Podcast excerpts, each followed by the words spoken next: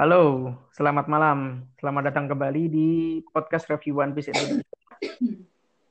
Pada episode kali ini, kita akan membahas chapter terbaru yaitu chapter 978 yang berjudul memperkenalkan Tobiropo. Nah, untuk covernya ini eh, lanjutannya kemarin yaitu eh, anak buahnya anak buah bajak lautnya Lola ini mengucapkan terima kasih telah kaptennya telah diselamatkan gitu kan. Ini kan yang ketemu di trailer bug dulu pertama kali muncul. Nah, kemudian langsung berlanjut uh, ini uh, Law langsung menyelam yaitu sesuai dengan rencananya kemarin. Halo Pak. Ya, halo. Oke. Okay. Uh, eh, terus kemudian ini ya kayak langsung ras gitu. Siap-siap langsung nyerang. Ah, siap-siap langsung nyerang. Dan tibalah kita di scene yang memperlihatkan Onigashima dengan lebih dekat. Ya. Dan ini cukup mengejutkan, mengejutkan ya Pak ya. Uh-uh. Ternyata gede banget, gila Onigashima itu kan uh. itu kapal-kapalnya cuma uh. segitu loh. Padahal kapal ini kan termasuk kapalnya Luffy, itu kan kapal gede-gede ya. Dan yang bikin saya curiga, kenapa ada pedang segede itu, Pak? Nah, kayak kecurigaan di chapter yang sebelumnya bahwa ini mungkin ada kemungkinan si uh, apa tengkorak yang di Onigashima ini sepertinya kok di masa lalu mungkin memang makhluk hidup gitu loh. Soalnya ini kan ada juga di depannya ada pedang segede itu kan yang kayak yeah. ke, ke bawah kan mungkin itu dan uh, uh, apa istilahnya matiin si makhluk gede ini supaya bisa dipakai lah tempatnya ini. Iya, jadi ke, dugaan Anda, kecurigaan Anda pada chapter uh, pada episode sebelumnya sepertinya mendekati benar ini, Pak. kalau melihat ini. Dan gila nih, keren Anda, Pak. nah, terus ini ya, kalau melihat ukuran pedangnya, kayaknya kayaknya kok ini pedangnya terlalu gede ya. Kayaknya ini pun uh, bukan satu bukan pedangnya kayak itu. Yeah. Dua juga bukan pedangnya ini ras raksasa kayaknya juga bukan juga. Enggak enggak uh, segede ini. Enggak tahu ya. Kalau kemudian kalau rasa raksasa sih masih elbaf kan ya, Mas? Masuk. Ah, elbaf, elbaf. Ah. Kan Mungkin masuk ya. Gede banget. Hmm bi tapi bisa jadi juga ini ya uh, yang kalau misalkan sesuai dugaan anda kemarin ini kan tengkoraknya tengkorak ini ya ras penarik benua itu ya. Mungkin ini pedangnya dia juga ya. Bisa jadi sih hmm. ini terus lanjut kan ya. Ya ini orang-orang hmm. yang para aliansi ini apa namanya terheran-heran lah ya istilahnya. Dengan ukuran sebesar itu. Dari terutama yang tengkoraknya ini dan pedang-pedangnya itu dan si apa namanya Kinemon udah siap-siap lah ya mem, memberikan semangat untuk uh, aliansinya ini untuk segera ini kesempatan beratnya sekali seumur hidup jangan sampai kelewat. Dan apa namanya setelahnya kan ini sempat disurugai apa namanya uh, si beberapa penjaga ya beberapa penjaga yang pada mabuk-mabuk kan mengenali oh kayaknya ada beberapa kapal. Terus tapi ya karena orang mabuk ya namanya hanya cuma dikasih jurus cemen dari Usop langsung tertidur dan depan masih berjalan lancar setelahnya iya dan ini inilah menunjukkan kerennya Usop Mang ya hmm. Maksudnya di satu sisi dia melihat terus kemudian dia beraksi cepat yeah. dengan ngasih ini kan tanaman penidur ya tanaman penidur nah, tapi sebelum itu, ini kayak ada kata-kata dari Kinemon yang perlu dicermati sih. Yang mana? Ini sepertinya kok uh, kok tenang-tenang aja kayak gitu, nggak ada nggak oh. ada penjagaan ketat di gerbang kayak gitu. Ini hmm. apakah artinya Kanjuro itu belum melaporkan ini? Atau atau gimana kayak gitu kan? Yes. Nah, Ah, terus gimana langsung mengartikan artinya serangan uh, diam-diam kita ini masih mungkin kita lanjutkan kayak gitu kan. Ah. Tapi ya Usap itu sih. Nggak hmm. tahu juga sih. Maksudnya kayaknya kalau semudah itu juga ini hmm. apa namanya? Nggak One Piece. Mencurigakan ya? Nggak One Piece. Iya. Iya, nggak. One Piece banget ya. Kemungkinan Ah. bakal ada beberapa info yang tetap bocor sih. Ke pihak Orochi maksudnya. Iya. Sepertinya gitu. Ini kan cuman kesimpulannya Kinemon aja kan. Ah. Kita kan nggak tahu kejadian sebenarnya kan. Iya. Dah. Dan ini ada scene yang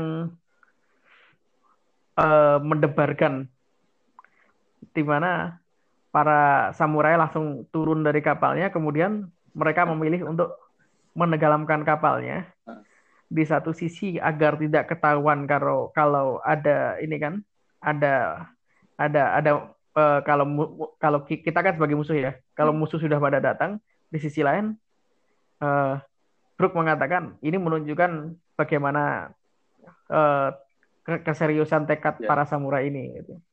Gila ini.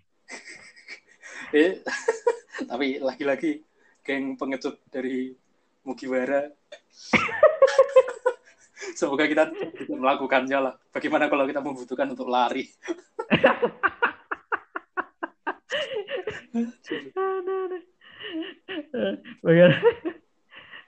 Terus saya kira apa itu?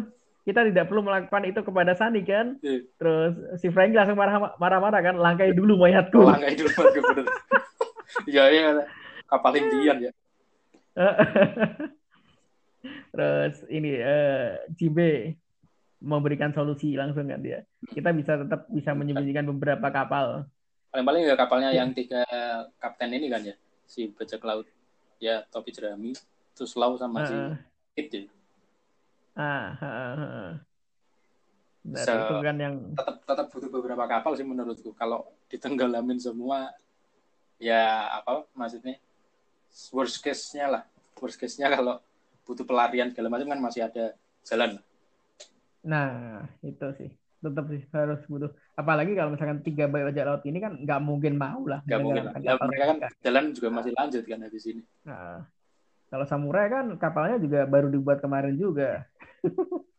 Tapi emang mereka iya yang para yang buat kapalnya itu Franky siapa sih atau nemu Franky, Franky. Franky, ya? Semua kapal-kapal kapal-kapal rusak yang dikumpulkan oleh Sultan Maru kan. Iya. Sultan Maru kan udah ngumpulin kapal-kapal rusak. Terus Ah. yang eh, yang finishingnya semua ini sih. Kepala proyeknya Franky lah. Hmm.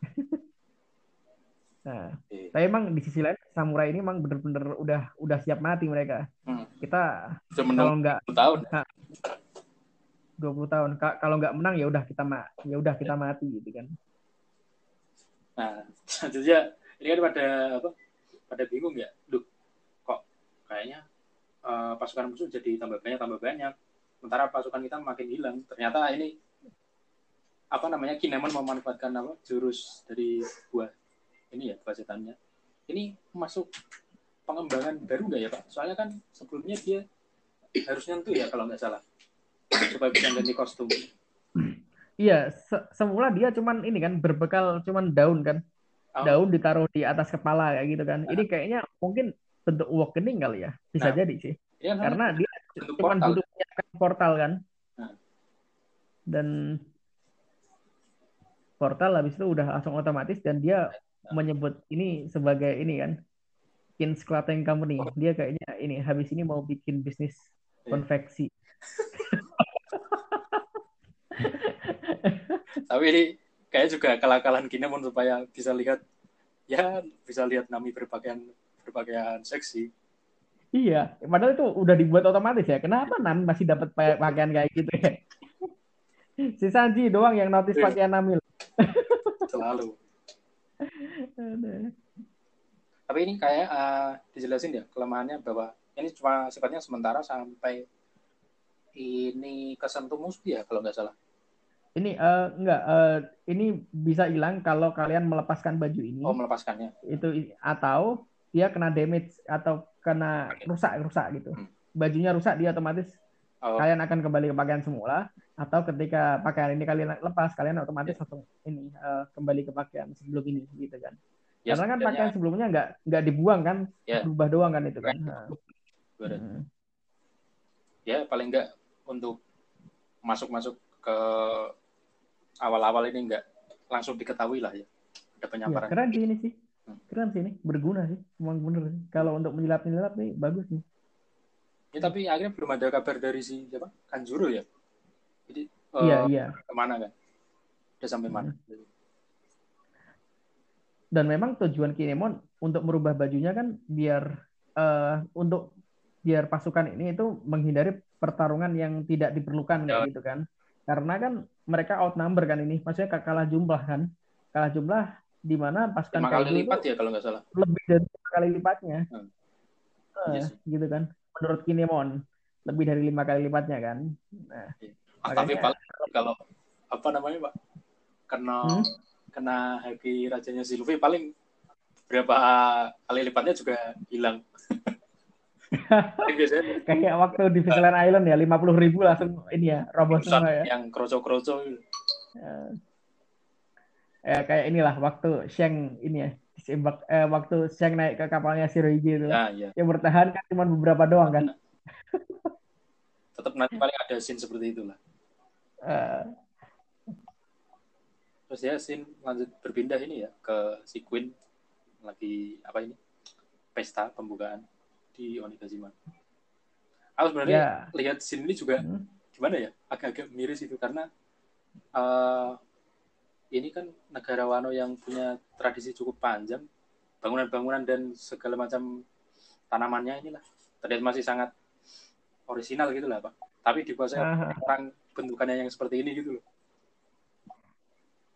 oh iya ini kayak ini ya kayak selain selain menjajah secara fisik juga menjajah secara culture juga ya pak ya malah orang-orang yang asli kan sama sekali nggak ada kan saya nggak dapat nggak dapat speser pun lah dari semua yang ada di Wano gitu Iya ini ya cuman ini sih yang mau ikut Orochi sih Yang mau. yang dapat sih. Gitu. Nah ini di apa? ya cuma kayak pengenalan ulang ya. Eh, apa tuh kategori-kategori pasukannya si bajak laut Kaido ini. Iya, pertama yang pertama kan waiters kan, waiters kan yang apa itu eh, yang masih menunggu untuk memakan smile kan. Mereka belum belum makan smile sama sekali. Kayak tujuannya Kaido kan ingin semua pasukannya kan ini kan memiliki buah setan kan. Nah, memakan buah setan. Nah, yang pertama kan waiters yang pertama panggil ini pasukan-pasukan yang masih dalam antrian Hmm. untuk ini untuk untuk makan smile. Blizzards ini di mana kita kan tahu perbandingan makan smile itu 9 banding 1 atau 10 banding 1 kemarin ya. Mm. Nah, itu berarti kan cuma satu yang berhasil, ah, sebelahnya gagal. Ya, khas buatan inilah. Siapa itu yang buah gas? Ah, yang buat inilah yang buat selalu kambing hitam itu. Ah. nah, itu kan. Nah, yang gagal-gagal kan jadinya ketawa-ketawa terus kan kayak si Killer. siapa itu? Si Killer gitu. Ha. Itu pleasers kan namanya. Terus gifters ini yang yang ini, yang dapat gitu kan, yang dapat kekuatannya. Terus di antara gifters-gifters yang kuat itu menjadi headliners. Nah, enam headliners terkuat itu sesuai yang judul kali ini yaitu Tobiropo. Iya. Nah, Nah, tapi nah, uh-huh. kalau kayak gitu berarti si Tobi Tobiropo enam orang ini apa namanya? Mungkin ada beberapa, beberapa yang memang dari seleksi waiters ini ya berarti ya. Waiters, placer, gifter sampai Oh iya, Pak. ya. Atau gimana tuh? Dulu dulu kan waktu aku anu awal-awal ada Ah. warga yang bilang Tobiropo itu enam terkuat head- headliner ya. Tapi Ah. kalau misalkan kayak gitu eh Jadi ekstrim headliner kan kan gimana? ah, ah. oh berarti ini aku yang penjelasannya salah tadi. Headliner tidak semuanya dari gifters. Nah, ya. Kayak siapa itu namanya? Yang boneka itu jurusan boneka Ka- Oh, i, yang eh, generasi terburuk juga. eh, Astagfirullah. Hawkins. Ya, Hawkins. Hawkins kan headliner juga, gitu kan. Tapi kan dia bukan berasal dari gifters. kan. Jadi intinya headliners itu inilah pasukan yang lebih kuat daripada gifters. Itu kan. Nah, Itu kan juga awalnya karena nggak bisa ini ya aliansinya sama Kid nggak bisa ngalahin terus dia memilih untuk ya daripada jadi apa namanya berarti mati ya uh, hmm. sama Kaido aja lah. Nah, gitu kan intinya ini gift uh, headliners beberapa juga merupakan ini kan beberapa juga merupakan gifters kan hmm. kayak ini kan ini kan smile smile ini kan yeah. berapa nah nah terus enam headliners terkuat tuh Tobi Ropo nah, yeah. Nah, di sini disinggung juga tapi Ropo emang nggak pernah mau nyaut kan nah. kalau masalah ginian kan yang selebrasi selebrasi emang cuek gitu nah, uh, ini kan dijelasin ya apa profil masing-masing dari anggota Tobi Robo ini. Salah satu nah. Wedukan kemarin ekstrik karena dari apa siluet uh, apa, kakinya ya kemarin udah cukup kelihatan. Iya. Yeah. Berarti ini dia dalam misi penyamaran ya? Oh iya. Misi penyamaran dari angkatan laut kan. Ya ini, ini cukup menarik. Level elit. Benar-benar masuk ke ibaratnya ring satu lah ya. Ring satu. Iya. Tanya Orochi gitu loh. Ring, uh, ring satunya Yongko loh. Iya. Gila kan ini agent level elite kan dia kayaknya kalau nggak salah di Sword dia ketuanya kan kalau nggak salah. Kayaknya. Sejak ini. Nah, di Sword itu kan agen kayak si, si kalau CP kan ini kan dari pemerintah kalau ini kan Sword ini dari angkatan laut kan agen rahasianya angkatan laut nah aku nah, agak curiga uh -huh. dengan beberapa anggota yang ini kan ada beberapa pakai masker ya nah aku trauma sama si siapa? Katakuri. Kan keren ya waktu mulutnya ditutup. Bapak kan wah. Amsyong bisa jadi. Eh, biasanya gitu sih. Jadi kalau di awal udah ditutupin wah ini jarang sih ada yang sangat uh. ganteng atau sangat cantik ini maksudnya. Nah ini. Kan ada dua nih. Yang paling banyak bicara yang ini kan si kayak main of the yang ulti ini kan.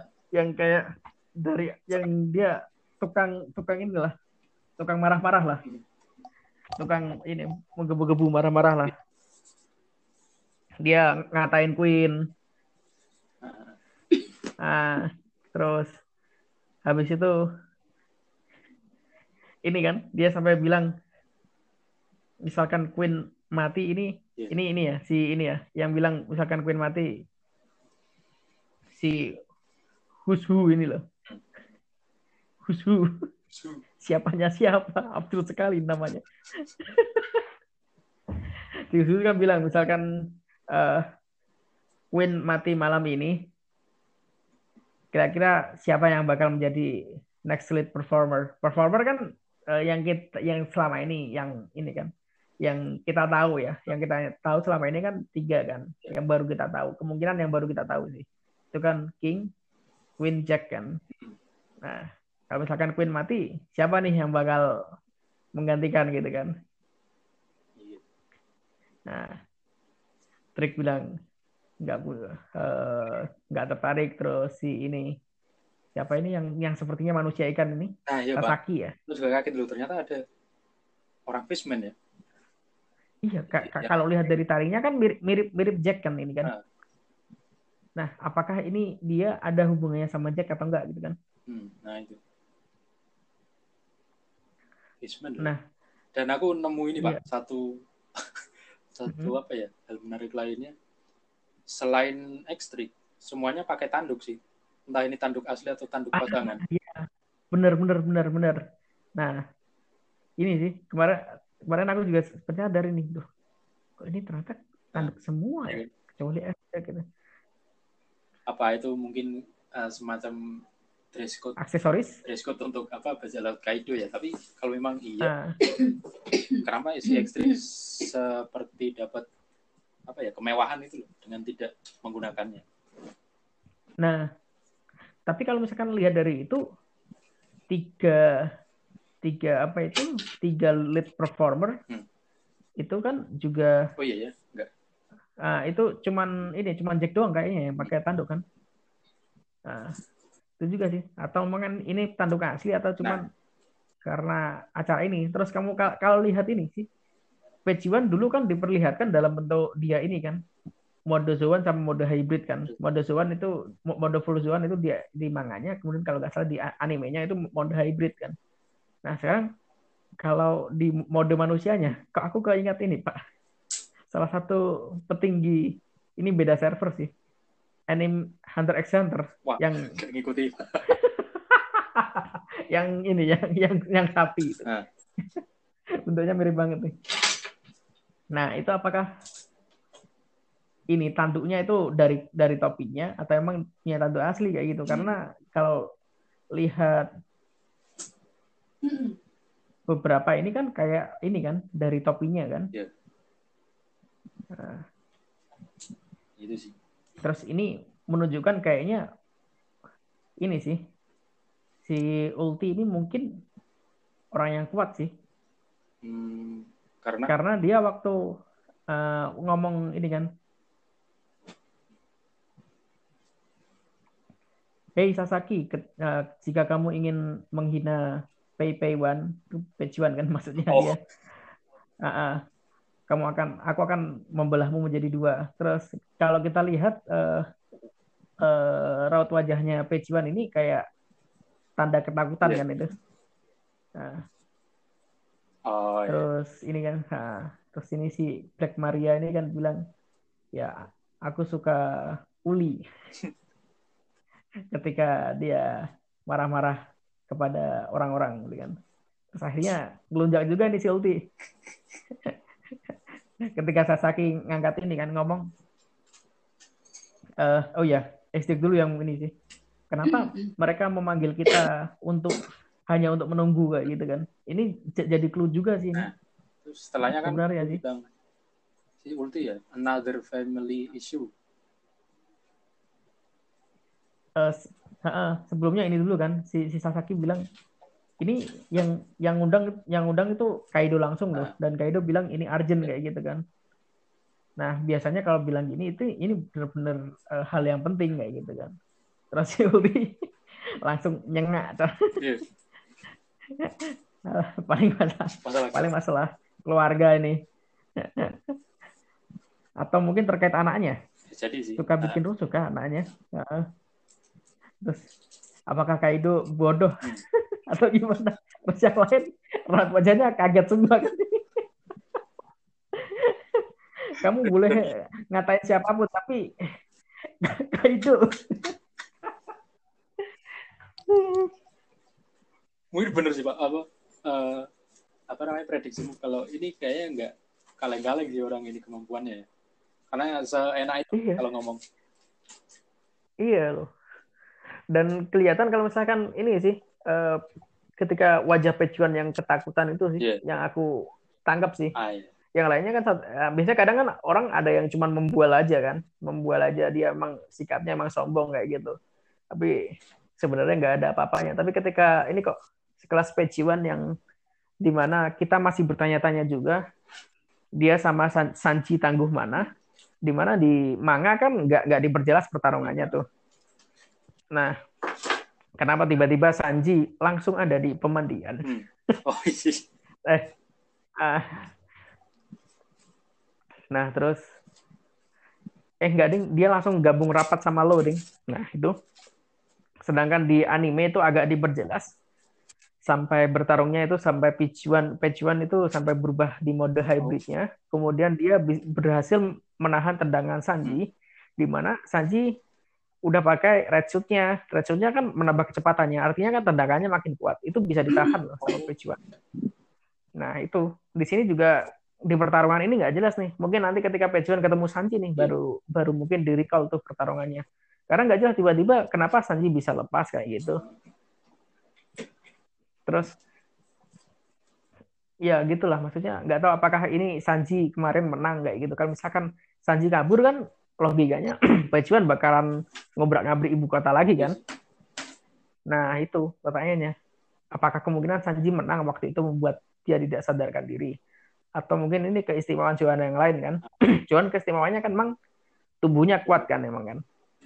Tubuhnya kuat. Mungkin kan Pejuan kalah tapi recovery-nya bagus kayak gitu karena dia Zoan kayak bisa jadi. Ini masih teori-teori masih nebak-nebak aja sih. Nah di sini kan ya setidaknya eh, karena Pejuan di sini kan tanda kutip bisa dikatakan satu level dengan X-Drake Ya. walaupun ya ini nggak menjamin juga bahwa kekuatannya selevel X-Drake sih Iya. kayak si Jibukai kan kekuatannya macam-macam kan dari Mihawk sampai Bagi kan Random. jabatan yang sama tidak menjamin kekuatan yang sama. Hmm. Tapi di sini itu sih ya kembali lagi menekankan poin tadi bahwa Peciman pun wajahnya ketakutan artinya dan Ulti kan orang yang seenaknya aja kayak gitu. Hmm, Ya, ya. itu. ya, kayaknya Terus ada yang bisa dibahas lagi ya, Pak? apa ya mungkin ini sih eh ini sih Pak. Mungkin gimana Pak tebakan Anda Pak Soal soal kenapa ini kondisinya tenang-tenang aja Pak? si ini penyergapan Kinemon dan kawan-kawan. Iya, kenapa ini loh? Oh, kayak Orochi ini kan ada ada ini kan stack bahwa bahwa apa itu eh, kayak mereka tenang-tenang aja gitu. Bahkan Orochi pun juga kelihatan tenang kayak gitu kan. Orang sepanik Orochi kayak gitu. Apakah sebenarnya ini sengaja dibiarkan masuk terus kemudian Kaido dan Orochi ini niatan untuk eh udah nanti disikat aja semuanya kayak gitu. Toh Kaido juga full tim kan ini. Sampai Numbers pun datang yang kita bahas kemarin kan. Numbers di mana ini diperjelas sama Queen kan. Iya. Where my monsters? Ah. Numbers. Jadi kan Numbers yang monster-monster Iya. kemarin itu kan. Kalau berdugaanku sih gitu juga sih, Pak. Sengaja sih. Sengaja dibiarin masuk dulu. Kalau nanti ibaratnya apa udah langsung ketemu semua nih, udah berkumpul semua pasukannya Hmm. muncul sih si numbers-numbers ini atau entah ada pasukan khusus lainnya lah. Jadi benar benar dikumpulin Iya. sekalian jadi satu, habis habis kalian gitu sih. Nah, Iya, kayaknya itu sih. Sekalian dihabisin si Wa- Wano masnya biar udah nggak ada masa depan Iya. lagi kan. Nggak ada hadapan pas pertarungan. Nah. Ha- khasnya Kaido kan ingin mematahkan semangat kan Iya. dia. Nah, di mana ini kan nggak yang kuat-kuat kan nggak dibunuh kan Iya, sama Kaido kan. malah jadi Ah. anak gue ya. Ah, pengennya menjadikan dijadikan anak buah kan. Nah, itu pe- sepertinya itu sih. Dan ini kayaknya kok aku masih membayangkan ini masih nggak apple to apple ya. Iya. Karena gila loh, numbers itu gede-gede banget loh.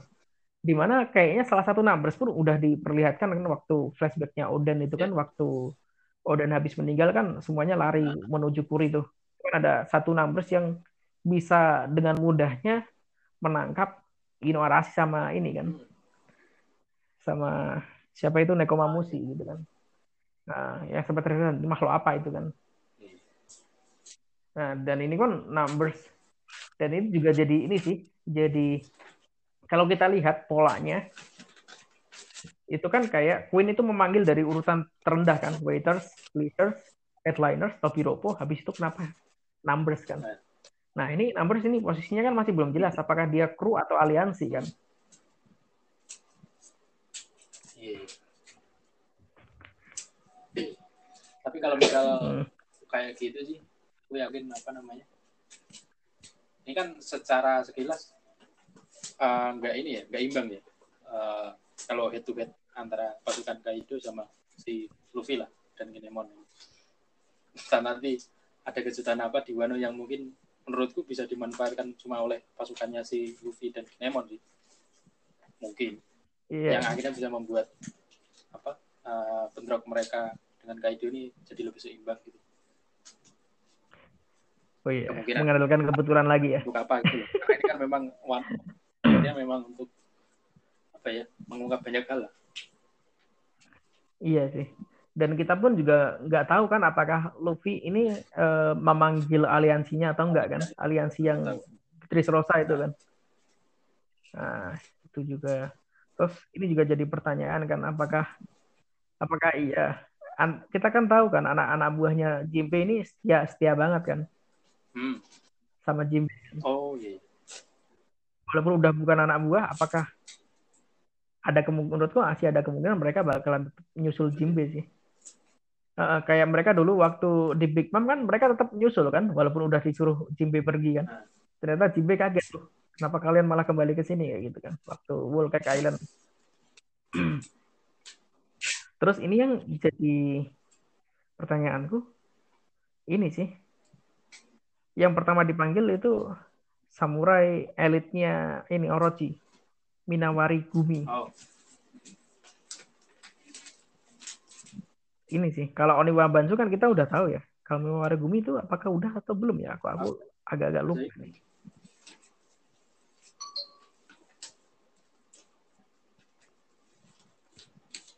iya, sebenarnya belum pernah disinggung. Hmm, sepertinya ya. Terus dari sini ini kalau dari Tob Tobiropo sih kalau Mbah mau ini sih kayak menyentil-nyentil aja. Mau kita gali-gali nih Black Maria ini ukurannya cukup gede nah, juga iya, ini. Seukuran siapa ya mungkin? Big Mom kali ya? Nah, mirip seukuran ini sih. Adiknya Buah Hancock juga buat- menurutku Oh kayaknya. iya. Adiknya Buah Hancock yang dua itu loh. Kayaknya juga segini juga kayaknya. Terus ukuran ini juga Madam Shirley. Madam Sandy benar. Nah, ini kan belum dikasih tahu kakinya kayak gimana kan? Jadi nggak tahu gimana orang apa nih. Hmm. Nah. Hmm. Udah kayaknya itu ya. Iya sih. Ah, dan sial, sialnya 10 Mei baru terbit lagi ya. Oh iya. Di Oh iya ya, ini. udah berapa minggu terakhir ini ya? Terbitnya tiap dua minggu sekali. Kalau ini kan Iya dan di nantinya ya yang memang libur minggu depan. Kalau nggak salah. kayaknya juga ini sih Pak. Semoga ya, semoga ini Pak pandemi segera selesai ya karena ada bayang-bayang hiatus juga nih. Oh, bisa jadi sih. Iya karena kemarin eh Toei Animation Ah.